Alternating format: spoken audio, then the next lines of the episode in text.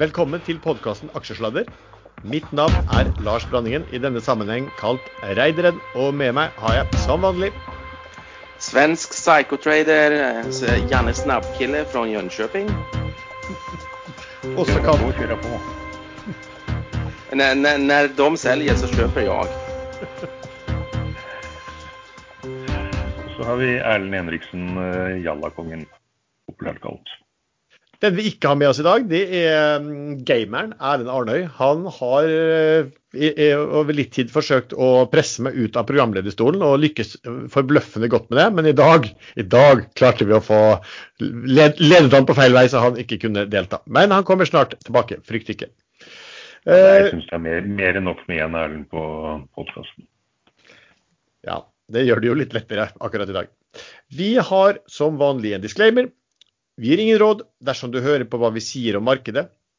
Aksjer, enkeltaksjer og ikke minst livet for øvrig er ansvaret helt og holdent ditt eget. Ja vel, mine herrer. Hva har dere sett og gjort i markedet nå den siste uken? Jeg har tradet masse norske småaksjer, eh, de har gått i taket. Og jeg har tjent masse penger på det her, og jeg liker snabba cash. Eh, nei da, jeg bare tuller. Eh, men det er sånn det føles for en nordmann da, som sitter og ser på norske, norske småaksjer. Det ser ut som eh, en armada av svensker har kommet inn og bare tatt helt over. Eh, USA har fått uh, morderveps, mens vi har fått eh, svenske psykotradere på, på besøk. Så det har vært litt slitsomt. Eh, ellers så volatiliteten i markedet er det jo fortsatt. Ikke en dag uten at uh, Oslo Børs sier det er fast market og stress conditions. Så uh, volatiliteten vil nok uh, fortsette en stund til. Og Erlend, hva har du gjort? Eh, Alt feil. Alt feil en hel uke. Du, sitter ikke du i bingo nå, da? Den solgte jeg forrige gang. På tr- På 30 39,30. Nei, ja, faen, det går, det går ikke an. Sånn er det av og til. Etter at, etter at jeg kjøpte den uh, rett før emisjonen kom, på snitt 44,50. Men så, sånn er det. Du, han er- ligger akkurat på 44,50 nå, faktisk. Jo da, den er tilbake der nå. Ja. Så, um, og så prøvde jeg meg på en Jalla vakuumtrede i, i NAS, men uh, planen var at den skulle gå allerede Nei, ikke sånn veldig. Uh, Ah, okay. det er jo, den er så store omsetninger så det er lett å komme seg ut. Men planen var at den skulle dra av gårde på onsdag. Det gjorde den ikke, og så holdt jeg den i går òg. Da falt den litt til. Og så hever jeg meg ut i dag. Nå begynner det å bli onsdag nå, Neste uke onsdag kommer uh, alle aksjene en, en kron hos emisjonsaksjene, og da vil den selvfølgelig falle ned mot den kursen. Men spørsmålet er hvor langt ned. Den emisjonen ble overtegnet med syv ganger. Men hvor, hvor reell den overtegningen er, det er en annen sak. For det er jo veldig mange som har tegnet mye mer enn de vil ha, fordi de tror de får mye mindre enn de vil ha. Ja. Ikke sant. Ja. Så, Men, eh, Ja, Ja. men, men eh, Norwegian kan vi da snakke om eh, med en gang, egentlig da. For Sven, du har vel litt oversikt nå. Det har vært litt sånn spørsmål fra ulike aktører. Når kommer disse markedene? Og du har vel en bra oversikt på når kommer de ulike ny, nye aksjene ut i markedet, Sven? Ja, jeg har òg tegnet i emisjonen, eh, og jeg håper jeg får på bakgrunn av at jeg eide et gjeldsinstrument på cutoff-daten. Så jeg håper jeg får litt tildeling i den transjen der. Eh, Så derfor har jeg satt meg inn i eh, når aksjene kommer. Disse aksjene som blir tegna i denne retta emisjonen, de kommer etter planen 20., altså på onsdag neste uke. Og det er 400 millioner aksjer. Og så eh, er det en liten eh, kuriositet her. Fordi at gjeldshavere som tegner seg i denne retta emisjonen, de får da rett til å eh, få en raskere eh, mulighet til å selge 1,6 ganger det antall aksjer de blir tildelt i emisjonen. Og Det kan de gjøre allerede den 15. juni. Og da eh, Si at de får 100 millioner i emisjonen, så kommer det nye 160 millioner den 15. juni. Så er det de konverterte aksjene. En tredjedel av de, altså en tredjedel av 3 milliarder, kommer den eh, 9. august. Og så eh, neste tredjedel den 9. oktober, og siste tredjedel den 9. desember. Uh, og de, uh, de Tre ganger én milliard, da. Ja, det kommer én milliard om gangen. da. Nei, det, det, stemmer jo selvfølgelig ikke, fordi det er jo konverteringskurs 380. Uh, ja, selvfølgelig. Men nei, det blir tre milliarder aksjer til sammen. Akkurat. ok. Ja, Så det er en milliard aksjer. Det er mye gjeld, vet du. Det er jo opp i 11-12 milliarder til sammen med obligasjoner og, og leasingforpliktelser. Så det stemmer nok. Eh, men eh, av de 160 som kommer den 15. juni, de blir tatt fra den desemberbolken, så den blir litt mindre, da. Men eh, jeg tror allikevel det blir nok aksjer til alle til juli, i hvert fall. ja, for her, her, er det egentlig bare spørsmål når flodbølgen av uh, nye aksjer kommer, og på hvilket nivå de selges. Og, og hva Altså, da kommer det ut uh, 400 millioner aksjer til krone 1 som kan ja. sel selges fra onsdag. Uh, og så har det vel sa ledelsen i Norwegian sagt at de gjerne ville at var det, var det 50% som skulle gå til eksisterende aksjonærer, var det så? Ja, det er riktig. Og, 50... og 25 til eh, gjeldshavere som tegner, og ja. 25 eh, til uh, nye aksjonærer. Men det er en liten catch der, fordi at av de 50 millionene som gjeldshaverne kan tegne, så er det allerede Altså, de har forhåndstegnet 50 millioner kroner. Og det er jo halve bolken. Eh, og da, hvis det blir fulltegnet 100 millioner til i gjeldstransjen, så kommer de 50 millionene til å bli tatt av eh, de nye aksjonærene sin transje. Ja. Så jeg vil tro at det kommer veldig lite til nye aksjonærer. Ja, ikke sant. Det, og vi fikk, for det, det som kom melding i går, var vel at var den det var tegnet for 2,8 milliarder kroner, var det så? Riktig. Uh, og da sitter vel kanskje ledelsen i Norwegian og angrer seg på at de ikke gjorde det til større emisjon. Men da hadde til gjengjeld sannsynligvis ikke tegningene vært det samme. For det er litt sånn som dere sier, at her er det sikkert noen som har overtegna seg ganske brutalt for, de, for, for, å håpe å få noe i nærheten av det de egentlig har lyst til. Ja, riktig. Men jeg syns jo ledelsen sin tegning var, var, var litt liten, var den ikke? Hvis du har tro på dette. Styreformannen tegnet for 100 000 kroner. Det er jo ja. Han kunne, det hadde vært bedre hvis han hadde latt være, tror jeg. Det er jo nesten det. Men hvis du ser litt på øh, hva som er reelle kurser, én krone emisjonskursen er jo reell. Øh, og de 400 millioner aksjene som kommer, de vil jeg faktisk tro blir spist opp i løpet av uken som kommer. Det er veldig mange småaksjonærer som har lyst på aksjer, som nå ikke får. Eh, så det jeg tror de kommer til å ta imot, og da spørs det hvor langt over én krone disse aksjene blir tatt imot. Det, det, blir wild guess, egentlig. Ja, og hva tror du? Eh, nei, jeg tror over to kroner kan godt være enda høyere, faktisk. Eh, og når, når de når obligasjonseieren og leasingeierne som ønsker å selge, har solgt det de skal, så tror jeg den går rett i værs.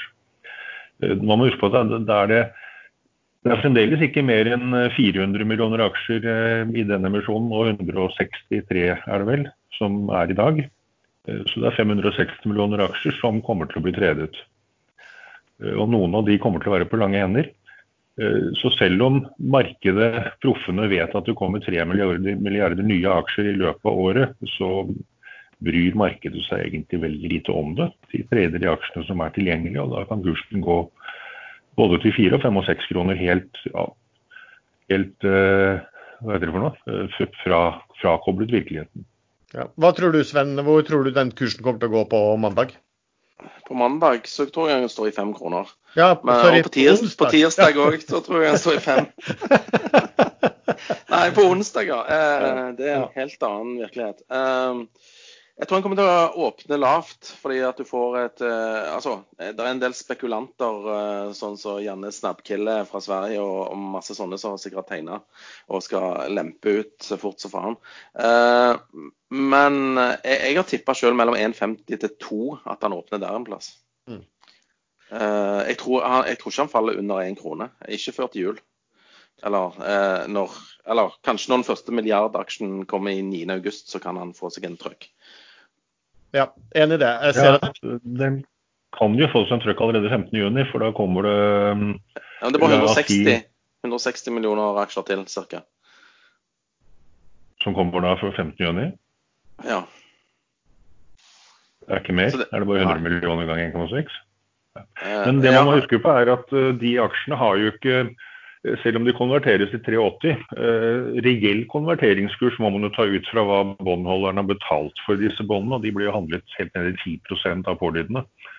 Eh, men la oss si 20 er, eh, er et snitt. Da, da er jo ikke det mer enn 60 72 øre, 74 øre eller hva det blir. Ja, det, det, det, stemmer. men det, det gjelder båndholderne. Det gjelder jo ikke det for leasingleverandørene. Men eh, det som de da har gitt avkall på, det er jo bare en redusert leie, egentlig. Det er jo ikke det at eh, de har eh, gitt avkall på sikrede gjeldsinstrumenter. Så det er vel egentlig bare leien de har eh, konvertert. Og, og, og, de er bare interessert i å få mer enn null for disse her, tror jeg. Ja, det er, det er jo, for det kan vi være enige om, hvert fall, at, at, hvis du snakker om at ting konverteres til 3,8, altså oppi på, på, på, over 3 kroner og sånn, så vil jo disse långiverne gråte av glede hvis de klarer å selge aksjene sine videre. Ja, eller le så de griner. Ja, Men ja. det var vel egentlig det samme. Ja. Så har vi også eh, akkurat eh, nå, eh, de siste dagene, så har det ikke vært mulig å shorte NAS. Jeg så det dukket opp en shortpost på 1,8 millioner eller noe sånt på Finanstilsynet i går. Men det er ikke så veldig mye. Eh, det er grunnen til at aksjen holder seg der den er nå, på fem kroner. Men etter emisjonen så vil det nok bli fullt mulig å shorte den aksjen igjen. At det blir tilgjengelig for utlån. Ja, jeg må bare få skyte inn en liten ting. Jeg, jeg, har gjort noe som jeg ikke har gjort siden 2002. Jeg har eh, kjøpt opsjoner. Fordi at eh, Nordnett tilbyr faktisk putt-opsjoner i Norwegian. Så at jeg har solgt eh, litt over 100 000 aksjer på snittkurs implisitt 4,15. Eh, og jeg regner med å få eh, i hvert fall 100 000 aksjer i emisjonen. Så jeg, jeg prøver bare å låse inn liksom, den gevinsten. da. Ja, for at, men har du... Hva hvis du ikke får uh, aksjer i emisjonen? Da kjøper de i markedet på åpningen. Og satser på at altså, for, og, for hver krone du får da Jeg, jeg vil tro han ja. åpner under 4,15. Det vil overraske meg veldig mye hvis de ikke gjør det, for å si det sånn. Fordi at det kommer mye aksjer ut, og, og eh, jeg er litt usikker på hvor, hvor, fort det der blir spist, egentlig. For her er det vel veldig mye aksjer som surres rundt blant uh, Og hvis du ser på aksjonærlisten, da, så er det altså masse retail-investorer i Skandinavia rett og slett, som, som, surrer dette her rundt. Og det er klart at Hvis det ikke skjer noe, hvis den ligger på fem, og så åpner den på la oss si at den åpner på, på to, da, eller 2,50 eh, på en dag, så, så har jeg liksom 50% Jeg vet ikke om hvor lyst de har til å sitte og trade den videre da. da. Min tanke er hvis... Nå vet vi at det er mye svenske investorer inne. Eh, Avanza er vel nest største aksjonæren med over 8 millioner aksjer i Inas. Eh, Nordnett-kunder er den største med 13-14 millioner aksjer. Men disse svenskene er jo, de har power. Omsetning på 4-5 milliard kroner om dagen var jo helt vanlig i gamle fingerprint, eller fingerprint i gamle dager. Og i veldig mange aksjer i Sverige som drar av gårde, så er jo 400 millioner kroner er jo ingenting. Jo da, men de er også litt, kanskje litt here today, gone tomorrow. at de, Da er det hele ja, Flokken raser videre til neste case, ikke sant, også. Så det der blir jo veldig spennende å se. Det, det, det, det er ikke så lett å vite, rett og slett. Nei, men min tanke er at de som nå eier eh, Norwegian-aksjer til fem kroner, hvis de ikke selger eh, før onsdag, hvem skal da eh, kjøpe de nye aksjene? Nei, det er jo et poeng, det. ikke sant? Altså, det må jo være Da må du få masse nye aksjonærer da, som er like teite. Ja. Eh, Folketrygdfondet har solgt seg helt ut nå. I hvert fall ute av topp 50-listen. Så de regner vel med å få remisjon, vil jeg tro. Ja, Hvis de er helt tatt er interessert. De kan sitte kanskje på gjeldssiden også og eier en del obligasjoner. Det kan vel godt være? Jeg vet ikke. Vet du Sven, om de, om de sitter der? Nei, Det med fine med obligasjoner det er sånn hemmelig register. Du vet ikke hvem som eier gjelden. Mm. Så jeg har ikke peiling. Men vi, jeg syns vi må ta med en liten episode som dukket opp i går. Eh, Peter Warren han eh, tilbød på sin eh, en eller annen hjemmeside, Twitter-kanal eller hva det var, eh, dagens aksjonærer å selge de aksjene til han. eller Egentlig blir det vel å låne ut en litt spesiell avtale han skulle lage der. Og så skulle de få det tilbake igjen i desember på samme kurs. Den er litt stygg. For i desember så er det da 4 milliarder aksjer i markedet og samme kurs. Dvs. Si at man da priser NAS til 20 milliarder kroner. og den, den, prisingen har du vel aldri hatt, tror jeg? Han sa ikke det bare som en spydighet, da. Vår gode, gamle venn eh, Peter Warren.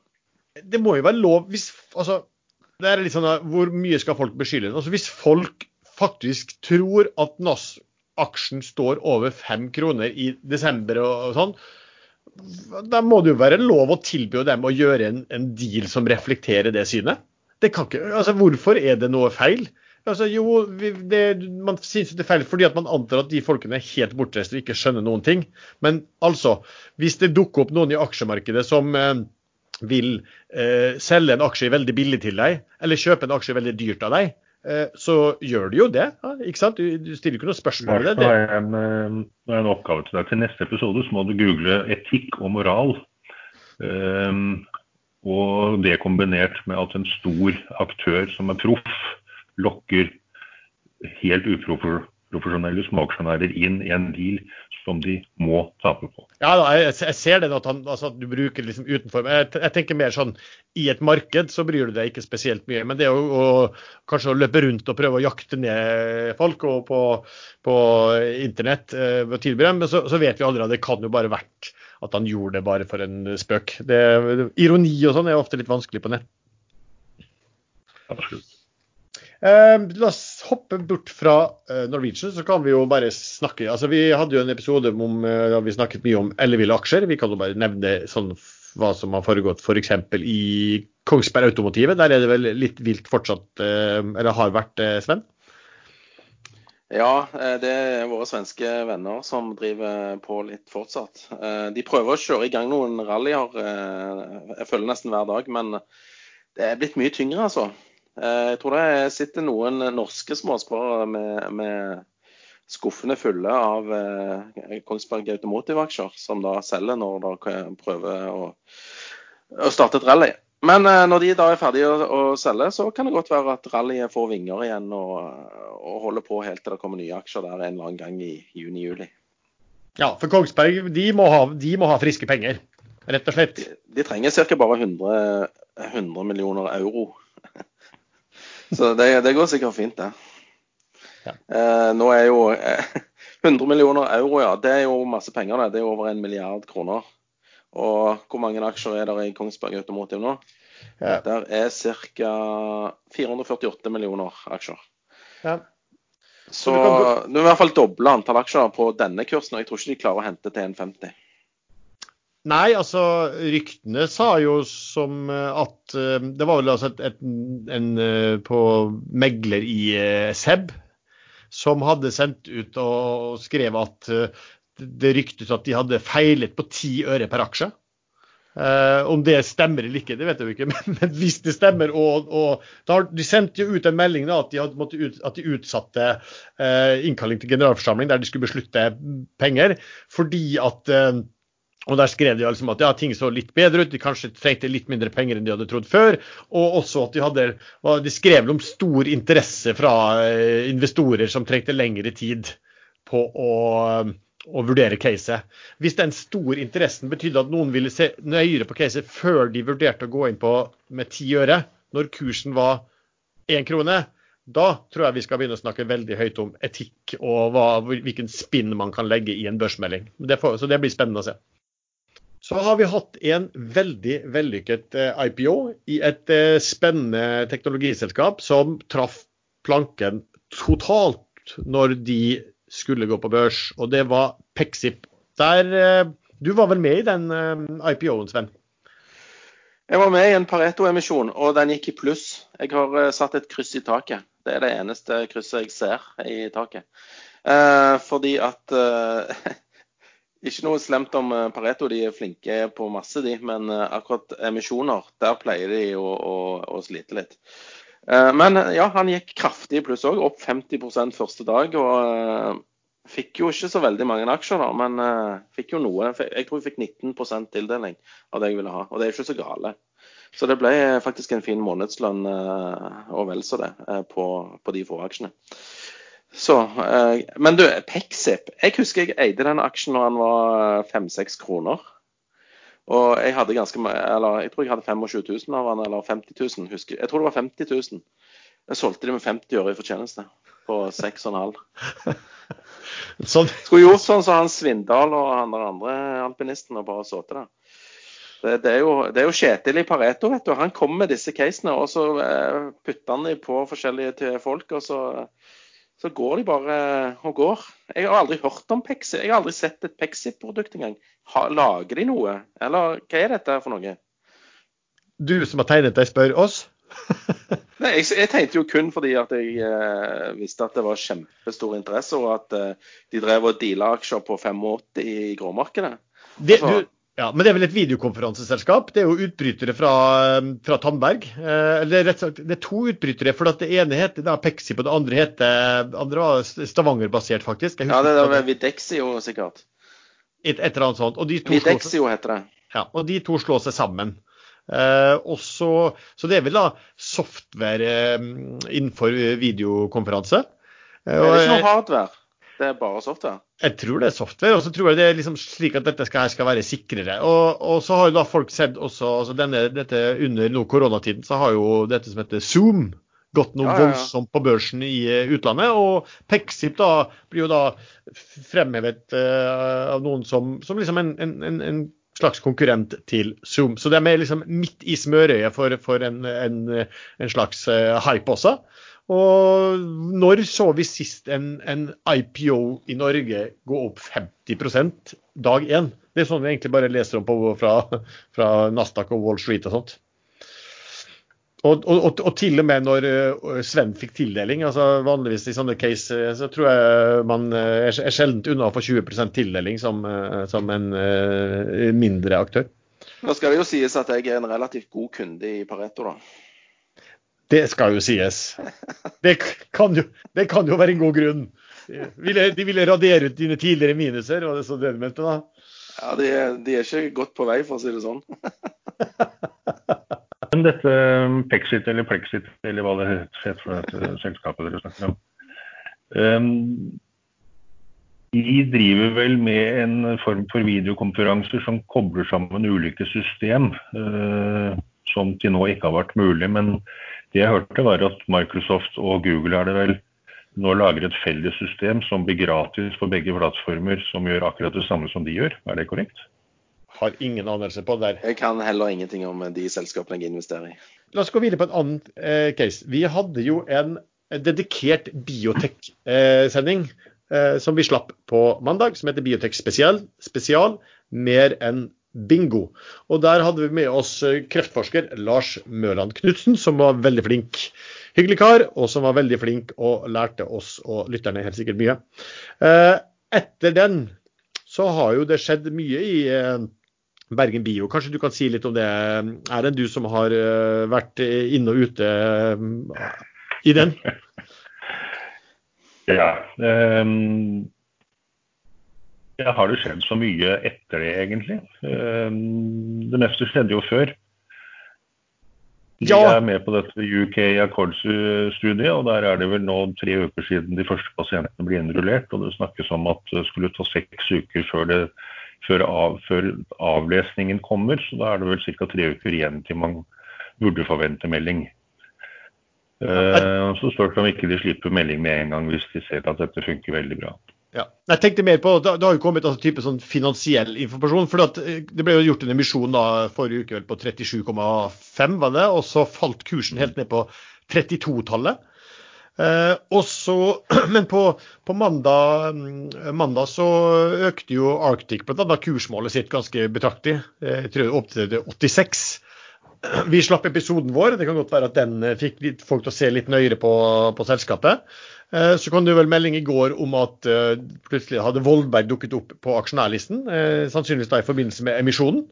Og så var det en forvalter som var ute i avisen i dag og, og hausa voldsomt og sa at denne kunne doble seg hvis resultatene blir bra, og at han mente selskapet hadde sagt at det var 80% sannsynlighet for at de skulle gjøre det. Og da, Selv om jeg så da at Voldberg Nå kom det en ny liste i dag, og Voldberg da hadde vel omtrent halvert antallet sitt fra eh, som han hadde da eh, hatt.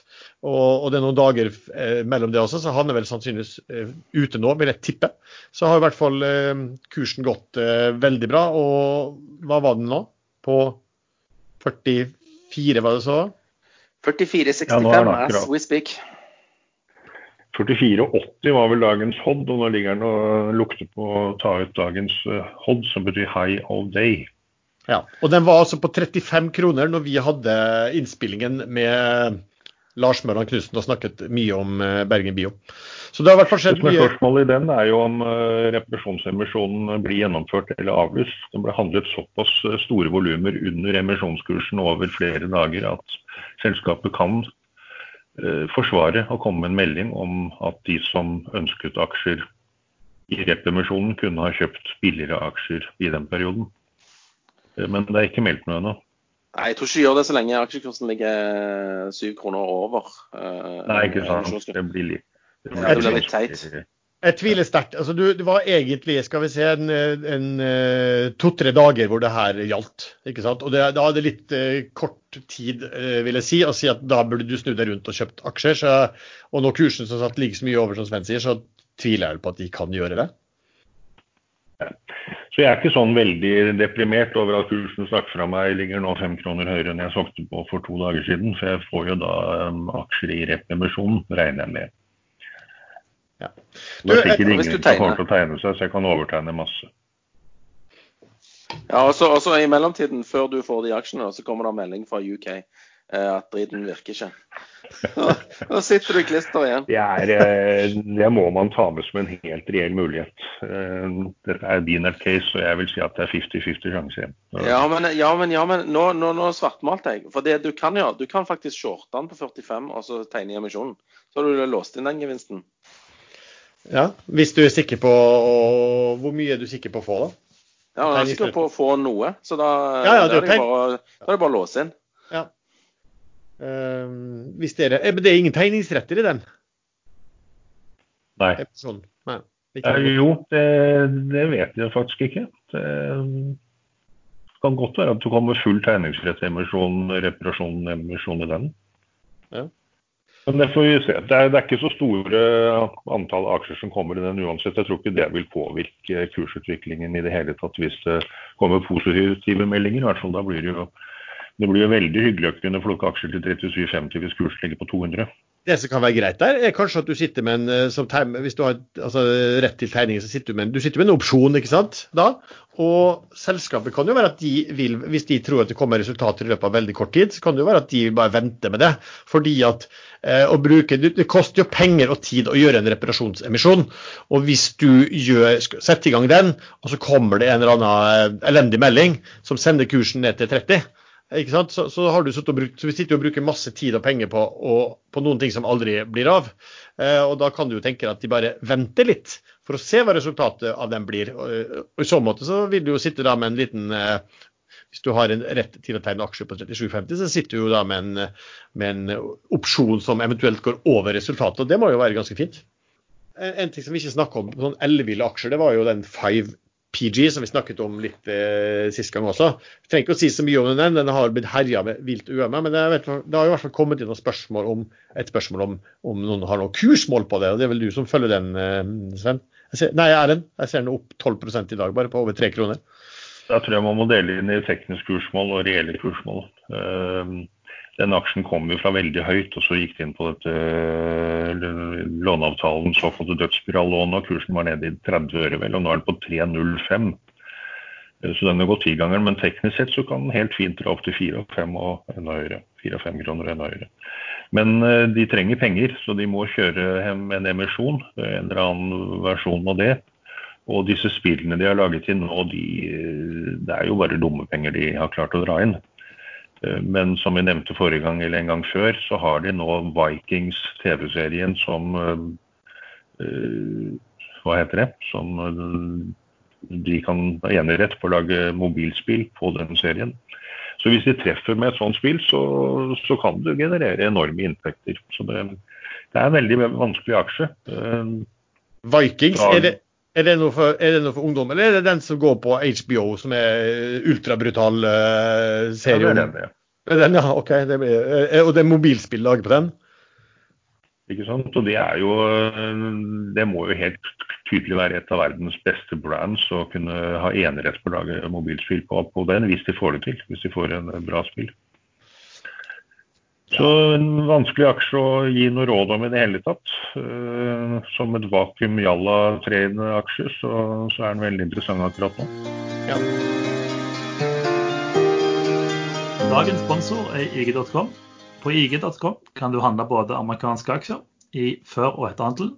I tillegg er det bare et vekstgebyr på fortjeneste eller tapet, ikke på hele beløpet. Så det kan være verdt å sjekke ut ig.com hvis du ikke allerede har gjort det. Og Det er jo et stort antall aksjer du kan handle på IG, bl.a. innenfor teknologi, som har steget ganske så mye eh, i det siste. Som vi er inne på i denne episoden, så er det jo noen av teknologiselskapene som står bak en stor del av eh, den gode utviklingen som eh, SMP 500 har hatt i forhold til andre indekser. I tillegg til aksjehandel kan du handle både valutaer, råvarer og indekser på IG. IG har til og med en egen amerikansk fangindeks for fangaksjene. Eh, som vi har snakket om på aksjer tidligere. Jeg har handla mye indeks på, på, IG, og dette har fungert veldig bra. Og Når det gjelder fangaksjer, så kan vi jo da i dag nevne at eh, Amazon.com de ble børsnotert den samme dagen som vi spiller inn dette, denne sendingen, 15. mai da i 1997, en, til en kurs på 18 dollar per aksje. I dag står aksjekursen i over 2300 dollar. Åpne gjerne konto på IG ig.com, eh, og bruk gjerne lenken som ligger i beskrivelsen til denne episoden. Da skal vi videre til noe som er av litt eh, større omfang. Equinor de er jo i skyteskiven til eh, media. Det var vel DN som begynte å grave fram dette, hva de har holdt på med i USA. Alle har jo visst at de, de, investeringene har vært dårlige, men nå har de vel funnet at de har tapt 200 eh, milliarder kroner der. Og, uh, og, og det ble vel også avslørt som en, en vanvittig sløsekultur og en fullstendig mangel på kontroll med dokumenter som er her og her, og en sjekker på millioner av dollar som lå inne i skap og, hva, hva tenker dere om uh, hva som har framkommet her? Det er helt vilt. Uh, da jeg hørte om det første gang, så skrev jeg i chatten at det kan ikke være mulig. Uh, revisor og styre må jo få med seg hvordan klarer de å skjule sånn i regnskapet. Men det har de tydeligvis klart. Men nei, det er jo helt Texas det de har holdt på med. Men so what, liksom? Altså, her kommer vi fra Norge, og så skal ikke vi liksom kunne få, få eh, opptre litt sånn som amerikanere og bare spende litt money. Altså, selvfølgelig. Hva, hva, er problemet? 200 milliarder. Hvor mye er det da i den store sammenhengen? Det er jo veldig lite. Jeg tror det, det var vel de som regna på, på, hvor mye det ville Hvis noen husker fra gamle dager, én mong. Det var vel når de, ja. fikk, de, de, de, bomma på utbyggingen av Mongstad og vet, var, det, var det fem milliarder de hadde overskridelse med den gangen? Der endte med at sjefer måtte gå og alt der. Dette er jo beløp som er på et Selv når du justerer for kjøpekraft og inflasjon og sånn, så er dette her ja, veldig, veldig, veldig, veldig mange ganger mer.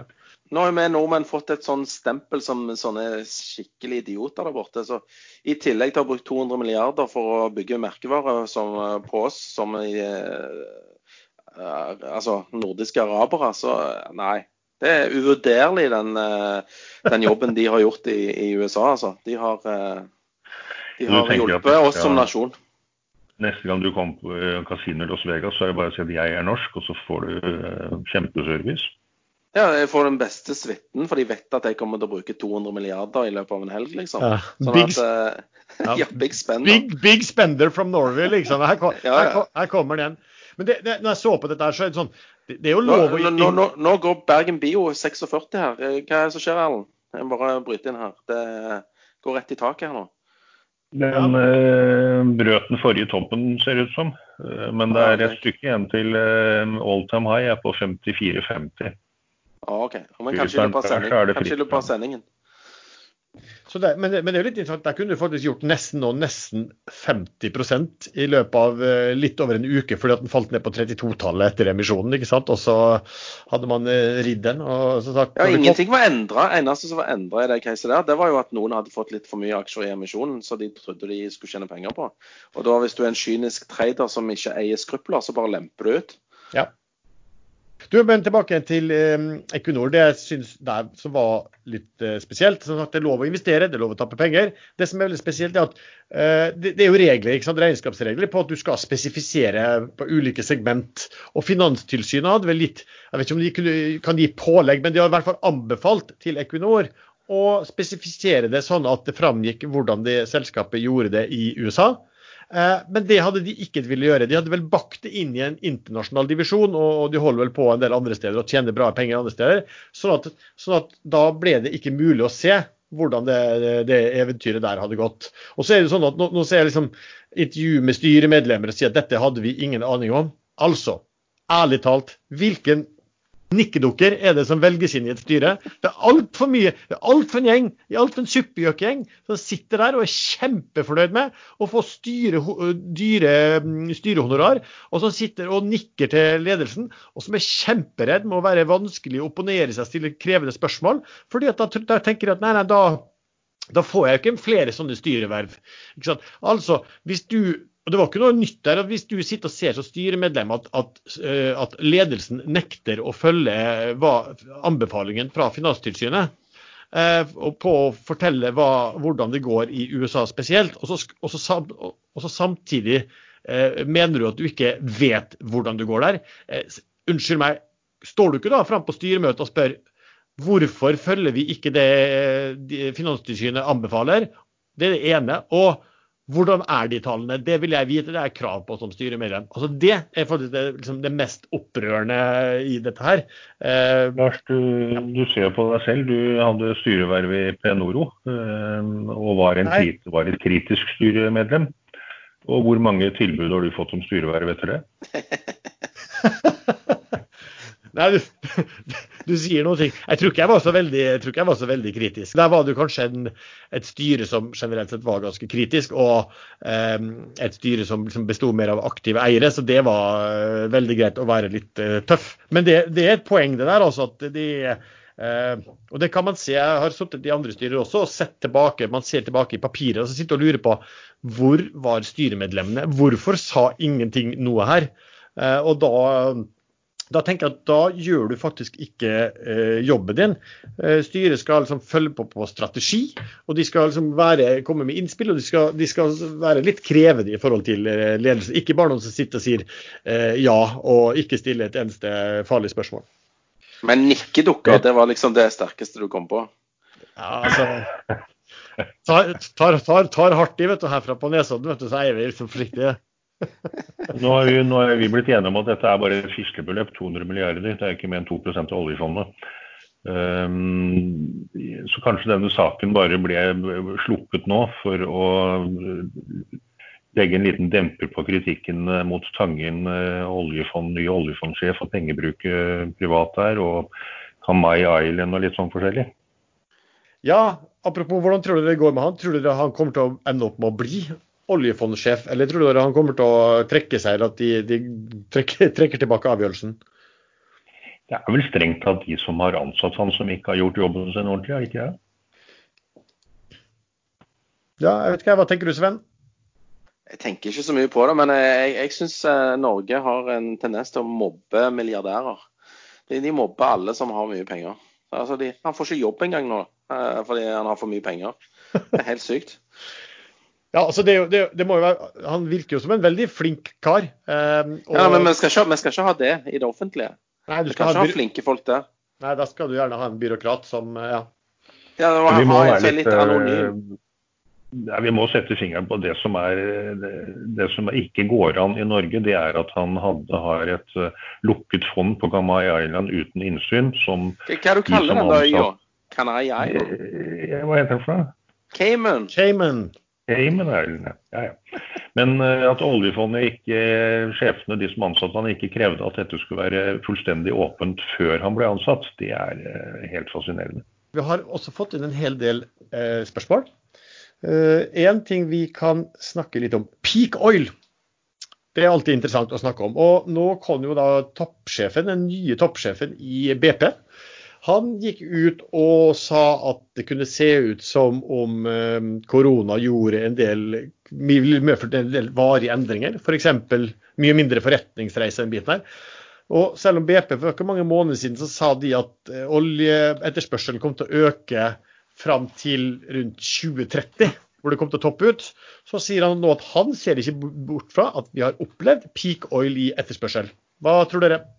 Hvis man ser litt på Nå, jo, nå står jo det meste stille. Um, og renewable uh, sol og vind uh, har jo fått et veldig oppsving før dette skjedde. Uh, og det er ingenting som tyder på at investeringene i sol og vind nå har avtatt i det hele tatt. Jeg følger med på nye prosjekter, og de popper opp overalt. Og i går kom det melding at det siste store 600 megawatt-anlegget de bygger i USA nå, det medfører at eh, sol og vind nå er større enn kull i USA. Det er første gang det har skjedd. Så det får en egen dynamikk. Ehm,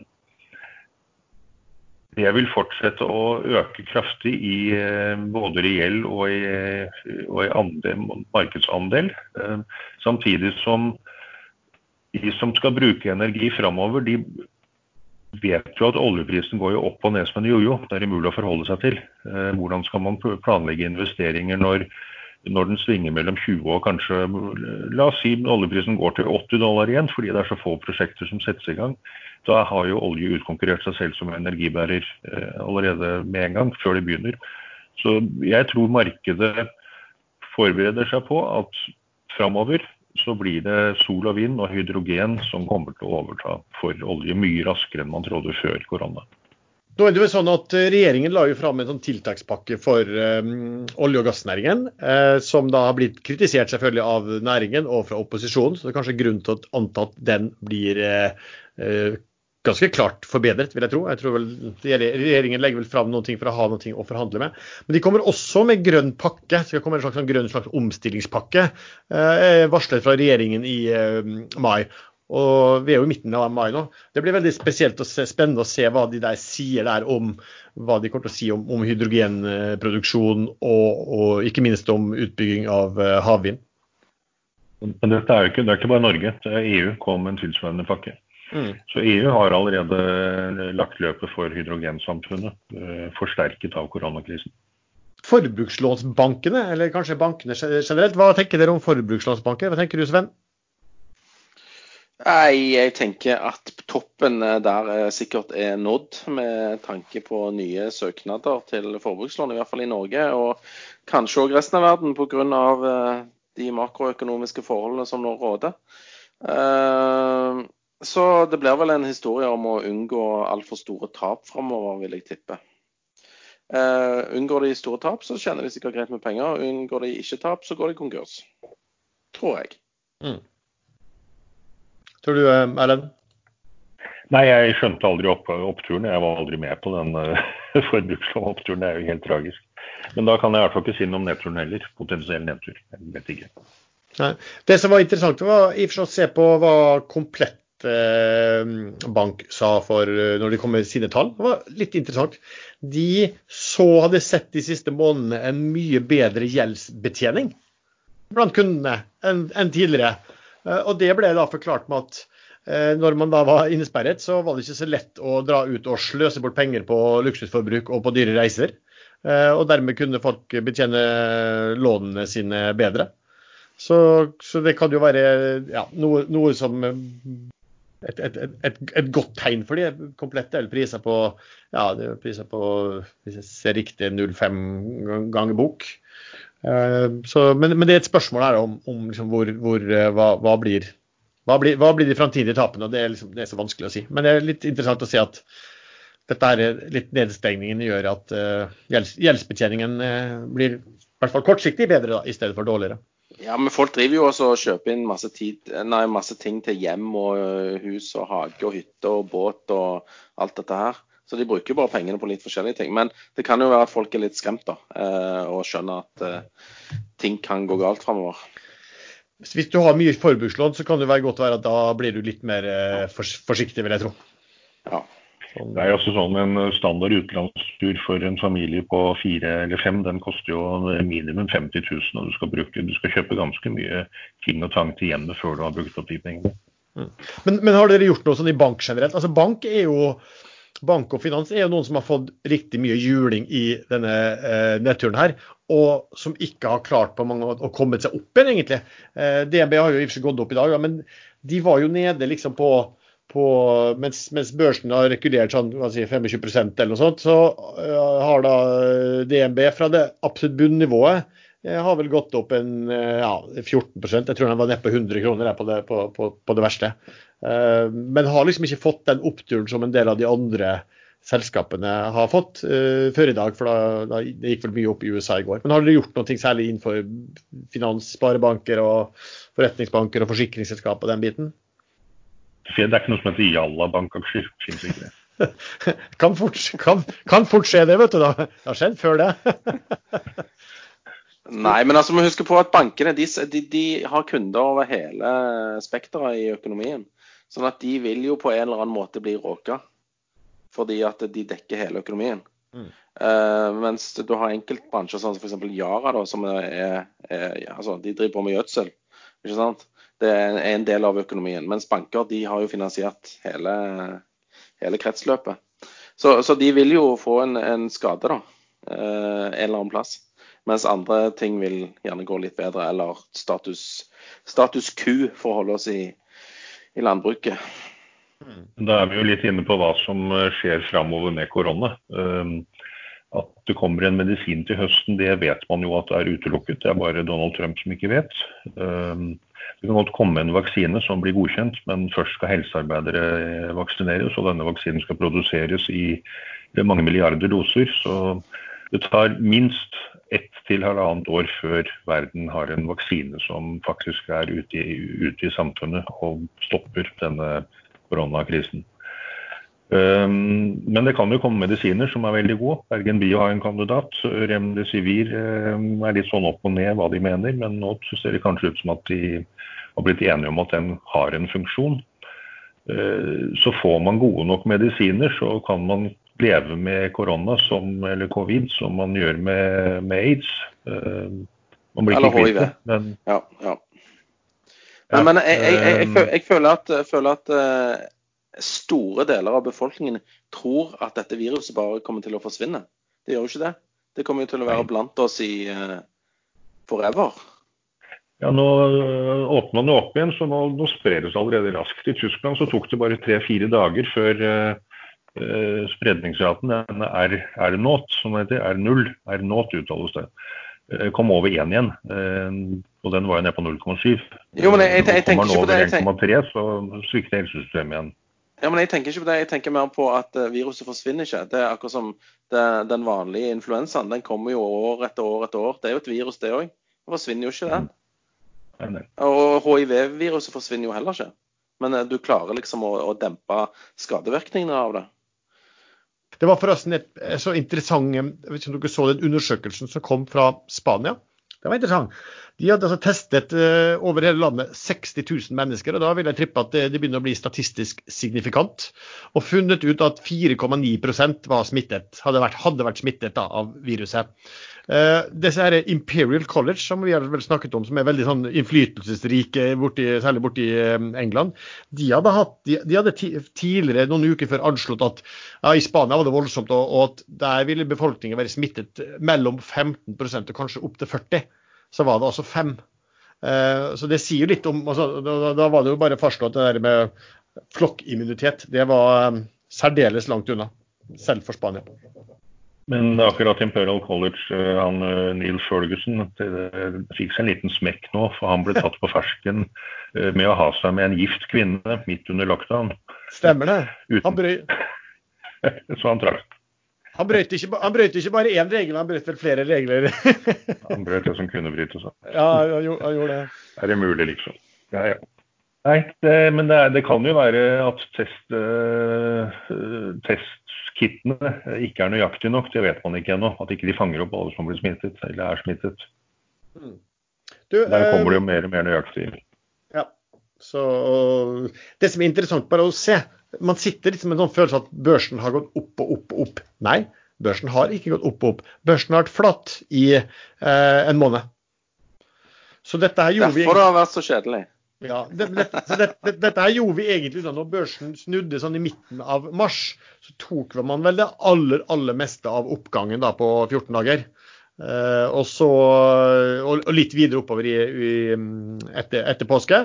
Men så er vi flat. Jeg tror kanskje vi er til og med ned på, på en måned fra, uh, fra i dag uh, rundt omkring. Og nå er vel, nå, ja, så i går i hvert fall, så nå har vi gått en del opp i dag. Men da var vel, altså, skal vi se på OBX-en, hvor mye den er på året?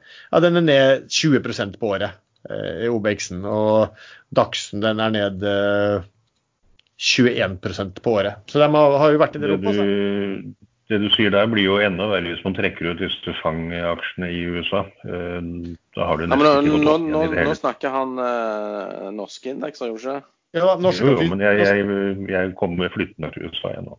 Ja, nei, men det, det er jo okay. riktig. Jeg jeg nevnte litt før også at hvis du tok vekk de beste her, så, så var jo medianen uh, hadde fått seg ganske sterk smell i, uh, innenfor SMP 500 også. Uh, det var noen spørsmål om noen ordentlig solide som long case. Hva tenker dere om Yara, DNB, Telenor og Aker som lang, langsiktige investeringer? Oh, jeg, jeg foreslår at Jalla-traderen svarer på dette spørsmålet. Nei, jeg, jeg er fremdeles. Jeg tror, eh, jeg, jeg tror, selv om det kommer medisiner som, eh, som demper eller eh, forkorter forløpet for covid utover høsten, så tror jeg smellen blir så stor at, at meste krakker ordentlig til høsten. Og da kommer det til å krakkes med en L. Rett ned, langt ned, og så blir det flatt i mange år. Det tror jeg fremdeles. Da hjelper det ikke om Yara eller DNB om de egentlig er solide selskap. Da skal alt. Kjente jeg, kjente jeg fikk en liten tåre i øynene nå når jeg hørte på. Leppa mi begynte å skjelve litt. og sånn. Og Erlend, Erlend kommer med sine, sine, spådommer. Da blir man litt engstelig. Det, det, det, gjorde den da jeg kom med koronaspådommen i 11.1 også. Så det Nei, men Jeg tror de tre selskapene som jeg nevnte, er ikke de dårligste selskapene å holde i en nedtur heller. Og det går jo fint an å eie de long og så gå short noe annet skit. Ja. Jeg, jeg satt faktisk og så på om jeg skal kjøp, begynne å kjøpe en del Yara i dag. Jeg syns liksom de er det, det, Ja. Har du vært og gjødsla i hagen igjen nå? Ja, har du, vet du. Da tenkte man på det. Men Lars, nå er det jo nå når markedet er som det er nå, så er det når man begynner å få lyst til å kjøpe igjen fordi man syns at ting tyder på at det nå går opp. Det er da man ikke skal kjøpe. Man handler ja, motsatt nå. Men, men, nå har jo ting falt tilbake. så Yara har jo falt en del tilbake igjen uh, i det siste, skjønner du. Uh, de var vel, uh, de var vel rundt 380 390-380 kroner når det her smalt. Så smalt de rett ned i 280, men det var vel en dag, da. for sånn, men, ja. Og så gikk de opp igjen til 360, og så har de falt fra 360 til 313. Så de har falt ganske betraktelig nå, altså siden, siden ja, den siste drøye måneden og 14 dagene spesielt. Eller uken, egentlig. Så, så det, det, er et sånt selskap som skal være bra. Altså, Telenor også, det, de, de, vil jo fortsette å tjene penger. Min tese er jo da selvfølgelig, som jeg har sagt flere ganger, er jo at Altså, vi har, vi har motstridende krefter. Jeg vet ikke hvordan det blir i, på inntjening til selskapene. og Det kommer veldig mye an på hvordan liksom, både koronakrisen slår ut og hvordan gjeninnhenting vil være. Men jeg tror at den inntjeningen de har, vil, vil prises til høyere multipler. Jeg tror tiden blir sterkere. Eh, sånn sett så er jo da kanskje alle disse her Yara, Telenor er jo ganske greie. DNB er kanskje litt mer usikker i forhold til eh, at eh, gjeldsbetjeningen til kundene sine. Og Aker er jo da veldig eh, eh rettet mot fossilindustri. Ikke sant? Eh, som blir mindre og mindre populær blant både långivere og, og blant, uh, ikke minst blant fondene som skal, uh, skal, investere. Så får vi håpe at Aker gjør det som de snakket om, å lage et vindselskap. For det kunne vært, det kunne vært spennende. Det blir vinn-vinn, det. Det blir en vinn-vinn for aksjonærene, får vi håpe. Uh, I hvert, fall, I hvert fall i de selskapene hvor de har noe som de skal dytte inn. da. Det, det eier jo forresten REC med hva er det, 20 eiere i, i REC. Og det har jo vært har jo fått liksom innspill på at hva, hva, med om de dytter inn disse vindbitene sine også inn i REC? Altså, REC har jo noe et, Jeg vet ikke hvor stort det er, men de har jo uh, et veldig veldig stort uh, skattemessig framforbart underskudd, som man tenker at eventuelt kunne utnyttes. Men jeg vet, jeg vet liksom Sven, vi har jo sett sånn på bruk av framforbare underskudd før, og, og, vet at det er jo ikke alltid sånn så lett fram å gjøre bruk av det. Nei, det har vel med jurisdiksjoner hvor og, og sånn òg disse underskuddene har oppstått osv. I datterselskaper i USA f.eks. Det er sikkert vanskeligere enn om det hadde vært i Norge f.eks. Annet spørsmål her. Eh, hva er fordelen for selskapene med å gå fra Merkur Market til den vanlige Oslo Børs? Fordelen? Ja. Det er jo et stempel. Altså, er du på Merkur, så er du per definisjon eh, ikke så høy kvalitet som hvis du er på Aksess eller hovedlisten på Oslo Børs. Så det i tillegg til at uh, fond mest sannsynlig kan handle i uh, aksjer uh, som ikke er på Merkur. og så Personlig så kan ikke jeg bruke algoritmene mine på Merkur, og det er veldig irriterende. de kan jeg da bruke på Aksess og på hovedlisten. Så Merkur-marked, Merkur, altså, det, det er et rart marked. I utgangspunktet så er jo Begrunnelsen for å starte Merkur er at uh, selskap som ikke har en lang historikk, uh, kan komme seg på børs. Uh, for ja, men det kan du, det, det. Ja, det kan du få, få Hva det heter for noe? ja, unntak for. Unntak, ja. så det er vel de tre kravene. Det er tre års historikk, og så er det 500 millioner minimum i market og så skal du ha minimum 500 aksjonærer fra der. Så kan på hovedlisten. Og så er det litt mindre eh, rammer på Access, og så er det veldig enkelt å komme seg på Merkur. Men du har sikkert rett i at de store, store gode selskap kan gå, kan gå rett på hovedlisten. Jo, men sånn nystarta selskap som er seriøse, er faktisk de, Hvis de skal raskt på børs, så er jo Merkur-markedet midt i blinken. Eh, forutsatt da at de flytter seg over til en skikkelig eh, markedsplass etterpå. Mm. Det så du jo på dette ASA, altså Atlantic Sapphire. De, eh, de har vel flytta seg fra Merkur til hovedlisten nå. Ja, for det har vært mye rare selskaper på, på Merkur også? Mye, mye ja, det, det, var jo det som var det sjarmerende med den lista, når du hadde dette Morgan Kane-selskapet og de greiene. Det var jo skikk, Og det der rekene fra Kina. Skamrekene og alt der, ikke sant. Ja. da var det jo kjekt på Merkur. Nå er det jo de skjerpet jo inn reglene kraftig til for opptak etter de episodene. Kanskje bare nevne det at eh, Hvis man finner et seriøst selskap på Merkur, eh, så har man jo fordelen av at det er, det er mange som av prinsipp ikke handler der. Og som Sven sier, noen fond som sannsynligvis ikke kan handle der. Eh, så man kan finne gullfunn, og så venter man til de kommer seg på hovedlisten. Og så går de opp for de litt sånn egen dynamikk. Mm. Flere som kan ta i det. Ja. Et spørsmål om renten. Er det lurt nå i en tiårsperiode, hvis man ikke er ute etter stabilitet, men å betale minst mulig totalt, er det nå lurt å binde renten, boliglånsrenten på ti år? Den ligger vel rundt på ti år, så ligger den rundt på drøye 2% eller hva? Så er det lurt. Det har historisk aldri lønt seg, vel? Ti år er ikke så lang tid. Nei, hva tenker du, Sven? Jeg syns det er vanskelig. Jeg kan, jeg kan uh, komme tilbake om ni år, så kan jeg svare. Nei, det er, men det er litt sånn Hvis du begynner renten nå, så må du jo um, først kalkulere inn hvor mange år du betaler uh, merrenter, og så må jo da renten stige desto mer på andre siden uh, for at du skal lønne seg totalt sett. Men uh, når Storebrand kom med et tilbud om 20 års fastrente på 2,65% 2,67 var det vel effektivt, da syns jeg det begynner å bli interessant. Da har man en billig forsikring. Da sover man godt om natten, og så tar staten en fjerdedel av eh, ekstrautgiften på skatteseddelen. Men nå driver jo han eh, til presidenten der borte og maser om nå vil han ha minusrenter. Så, og, og, Han har jo mast lenge at nå må de sette ned renta, Fed må sette ned renta, alle andre setter ned, vi òg må sette ned. Og Nå begynner han med det samme maset om at nå må vi òg få minusrenter, for alle andre har det. Så eh, bare vent nå noen måneder, så er det minusrenter i USA òg. Ja. Selv om Fed sier nei, nei, det er ikke bra. Ekstrainvestor tilbyr børsnoterte selskap å presentere seg eh, for et stor gruppe investorer. Her er en melding fra et selskap som kommer nå tirsdag den 19. mai. Hei, mitt navn er Eivind Helgaker, og jeg er CEO i Ice Group. Telekomselskapet Ice Group gikk på børs for et år siden, og vi har en markedsverdi på Oslo Børs på ca. 2,8 milliarder kroner. Vi bygger nå ut det tredje mobilnettet, og vi har passert over 90% befolkningsdekning i vårt moderne 5G-klare mobilnett. Vi har også passert 10% markedsandel i det norske markedet, og veksten fortsetter. Vi la akkurat frem resultatet for første kvartal 2020, og leverer for første gang nå også positiv EBITDA. Målet vårt er å fortsette veksten, ta 20% markedsandel i Norge og levere BDA-marginer på 30-tallet innen 4-5 år. Tirsdag 19. mai kl. 14 kommer jeg og CFO Henning Karlsrud til Ekstrainvestor og gruppen Børsforum på Facebook i et åpent live video Q&A-event for å fortelle om selskapet og svare på innsendte spørsmål. Utspørrer er DNB Markets telekomanalytiker Frank Maaø.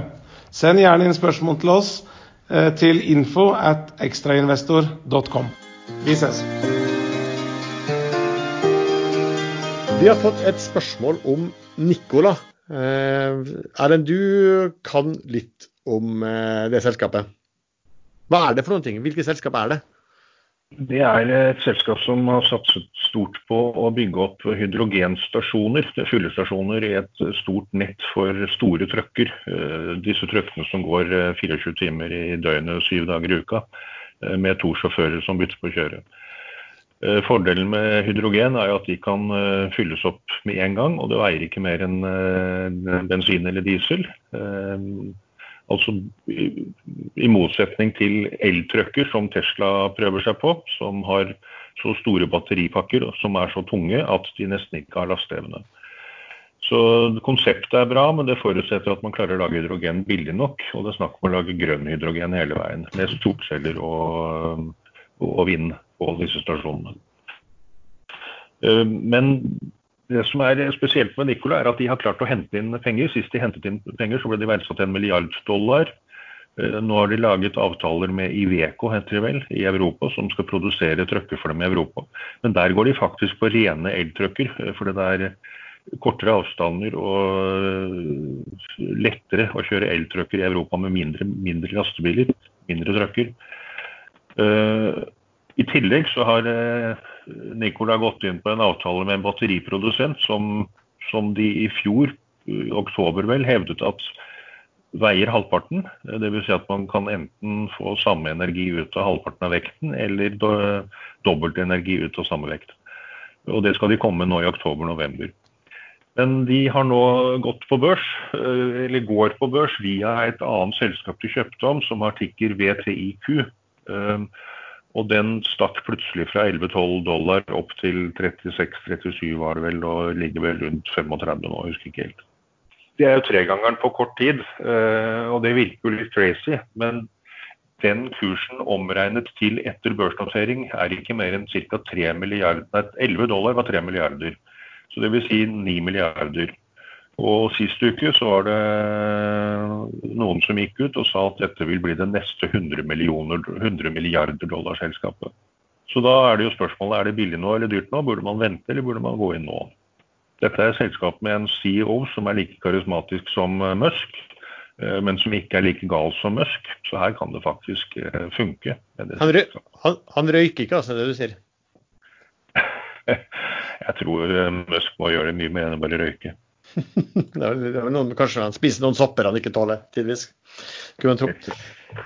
Over til det som mange spør om. Det er eh, deres tips. Hvilke tips har du eh, i dag, Sven? I dag så har jeg enormt mange tips. Jeg vil bare ta og si litt om forrige ukes tips. Bitcoin, ja. Den gikk jo rett i dass rett etterpå. På natt til søndag så kommer det et 15 krasj i, i, den bitcoin-greia. Det har henta seg fint inn igjen, da. Så uh, gudene skal vite hva som skjer med den. Men det som skjer med mine bitcoins, er at jeg har flytta dem fra Coinbase over i en sånn uh, elektronisk uh, lommebok. Så jeg har bare tenkt å la de ligge der uten å følge så veldig mye med på, på kursen framover. Så den, du mener at den, den, boka di hvor du hadde skrevet nøklene som vi snakket veldig den gjelder ikke lenger, eller er det sånn? Jeg, jeg har nå flytta den boka inn i safen. Så nøkkelen til safen ligger nå under tastaturet. Okay. Men uh, istedenfor den boka, da. Ja. Så, men uh, over til uh, tipsene, da. Det, det, skal jo skje endringer i uh, hovedindeksen om to uker. Jeg trodde først det var om ei uke, men det er altså om to uker. Og Da går det eh, seks aksjer inn og tre aksjer ut. Mitt tips er jo da å begynne å bare kjøpe litt i de aksjene som skal gå inn, gjerne gradvis framover mot eh, inn, inn, innlemmingen. Eh, og det motsatte med Du kan, bør egentlig selge de tre som går ut ganske kjapt, vil jeg tro. Men uh, uansett, de som skal inn, det er Avanse, Gas Holding, uh, Sats, Medisteam, ABG Sundal Collier, Bouvet og Crayon Group.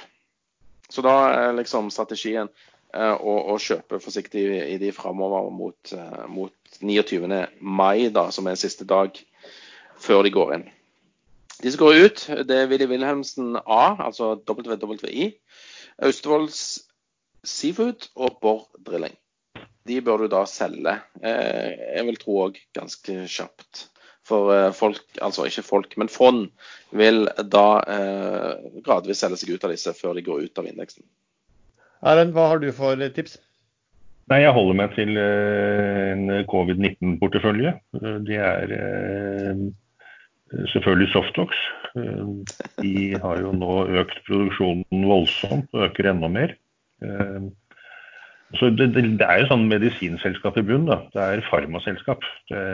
Hånddesinfisering og overflatedesinfisering er jo kun noe de har planlagt som en måte å tjene penger på og bruke til å utvikle de andre produktene som kommer. Uh, og de tror jeg blir veldig bra. Men uh, Context Vision, uh, den ser jeg på. Den var jo helt nede i 60 kroner, tror jeg, da det smalt i, mars. Nå er den på 144. Og den har en bortimot uendelig oppside. Eh, det ser ut som at vi får til AI-avlesning av, eh, eh, av, av, av røntgenbilder for å se på utvikling i kreft osv. Og, så videre, og de, den leser disse bildene veldig mye, mye bedre enn en leger klarer å gjøre. Og det blir bare bedre og bedre. Um, så den har en enorm oppside. Men den, når den har gått fra 60 til 144, så kan det fort falle ned til under 100 igjen. Men om ti år så tror jeg at man har sikret pensjonen sin vei i den. Og så får man ta med First Planet Game, da, som nå sikkert tar et siste rønn opp til 4-5 uh, kroner. Sikkert skal jeg ikke si, selvfølgelig. Den kan også ramle. Uh, halvere seg eller enda mer. Har ikke noe tips du da, Lars? Skal jeg ta et tips, jeg også? Ja, ja, ja. Kom igjen. Det er snart 17. mai. Kom igjen. Ja. Selskap i dag som man kan se litt nærmere på. Jeg holder på å sjekke litt på det fortsatt, litt usikker.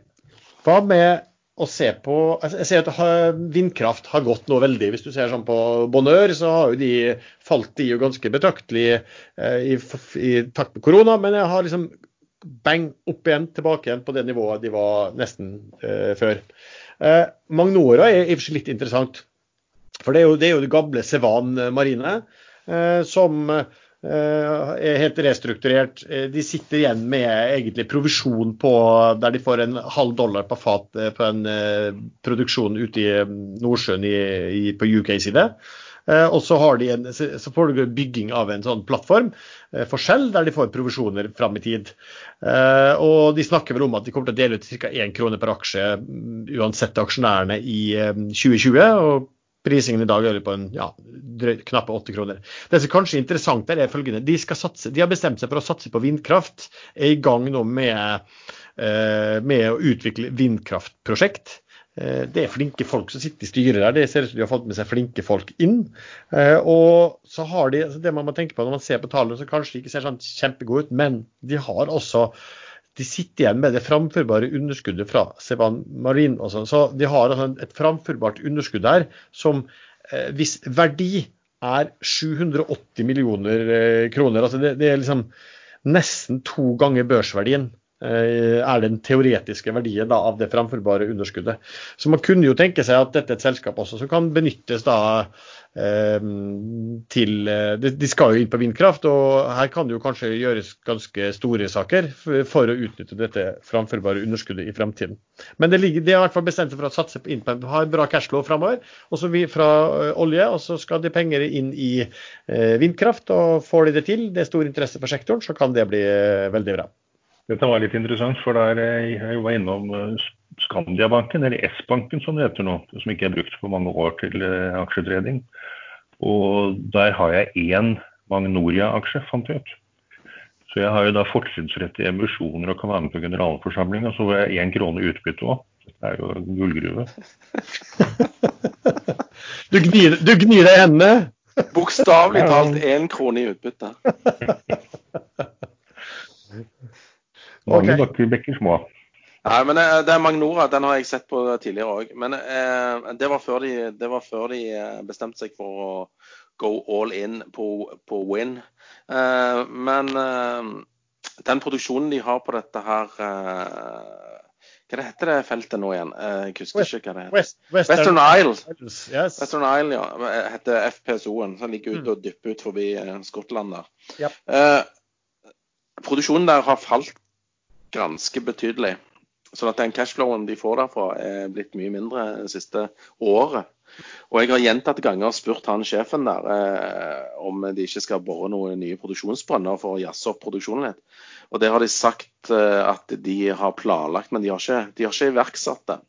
Men nå kommer vel den oljebiten kanskje til å bli litt eh, mindre viktig, eh, sånn at eh, det er vinn, vinn eller forsvinn nå kanskje for den aksjen der.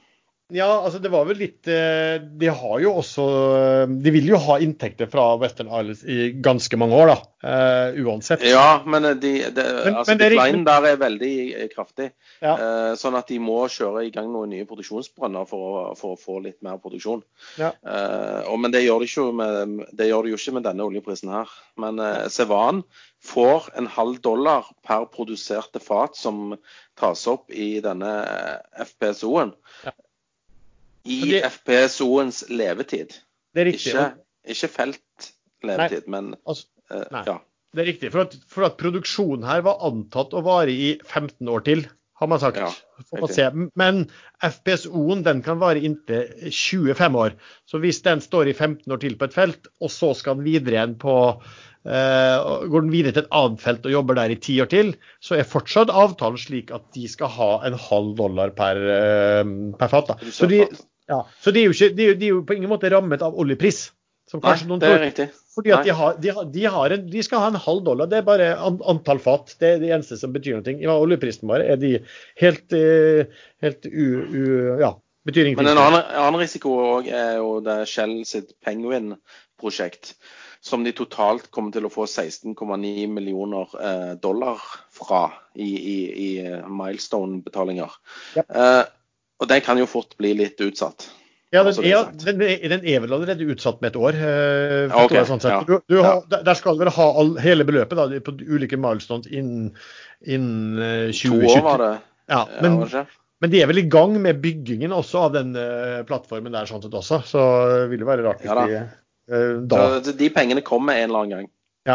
Det gjør det. Så, så, så det er den biten der du må gå på. Det har vært mye inn og ut av eh, Magnora, for den har vært fin og trade i forhold til at det har vært veldig fine Det er jo ikke, er ikke volum, da. ut, utbytter og sånn. Nei, men det jeg ser også at eh, ledelsen har vært, og styremedlemmene har vært og kjøpt aksjer sånn rundt åtte kroner i, eh, i den senere tid. Men det er litt sånn ikke noe sånn spenstig aksje, men får de til eh, vindkraftbiten, og, og, og det er en del sånn, hva skal vi, pengesterke folk i området rundt disse folkene som sitter her. Du kjenner vel et par av de styremedlemmene òg, gjør du ikke det? Når Ja. sant skal sies. Ja da, det, det, det når sånn skal sies, eh, så gjør jeg jo det eh, også. Ut, uten at, men altså, det, de, de kommer til å de kommer sikkert til å ha god kapitaltilgang, for å si det sånn. eh, hvis de finner noen gode vindkraftprosjekt. Og, og vi, Du, vi vet du, sitter jo, du sitter jo her og sikler allerede, så jeg skjønner at de får tak i kapital, ja. Sånn er det. Så det var, ja, i hvert fall, det var, vi, vi får se hvordan det går. Det blir spennende å følge det selskapet i hvert fall uh, framover. Ja, er det noe annet vi har å snakke om? Oh, nei, vi må snart kutte, fordi Ja. eh, jeg skal til frisøren. Jeg har ikke klippet meg siden jeg var i Spania, og det er jo i eh, begynnelsen av eh, mars. Ja. Jeg kom meg akkurat hjem før de, før de stengte ned. Ja, litt Så håret har ikke slutta å gro. Nei, og det er jo greit å slippe å se deg i hestehale også. Det hadde vært litt ekkelt syn, tror jeg. Jeg sparer til hestehale. Det hadde jeg helt til jeg fikk min første sønn. Da klippet jeg den, og den skal jeg ha tilbake nå. Oi, huff og huff. Ja ja, hvorfor ikke? Jeg, slitt, jeg, jeg trenger ikke slite med noen ting av de tingene der, som dere vet. Nei, Du må bare huske nok solkrem. Det er helt riktig.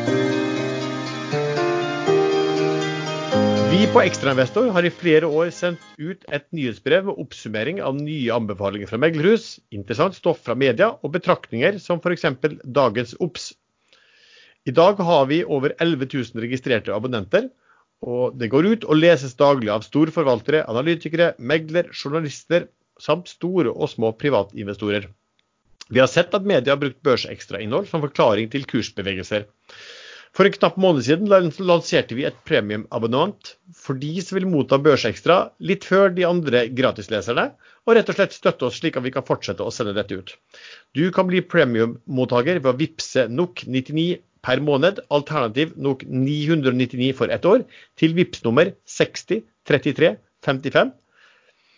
Husk å skrive inn din e-mailadresse ved innbetaling. Hvis du ikke allerede mottar Børsekstra og vil bli mottaker, gratismottaker, så kan du gå til ekstrainvestor.com.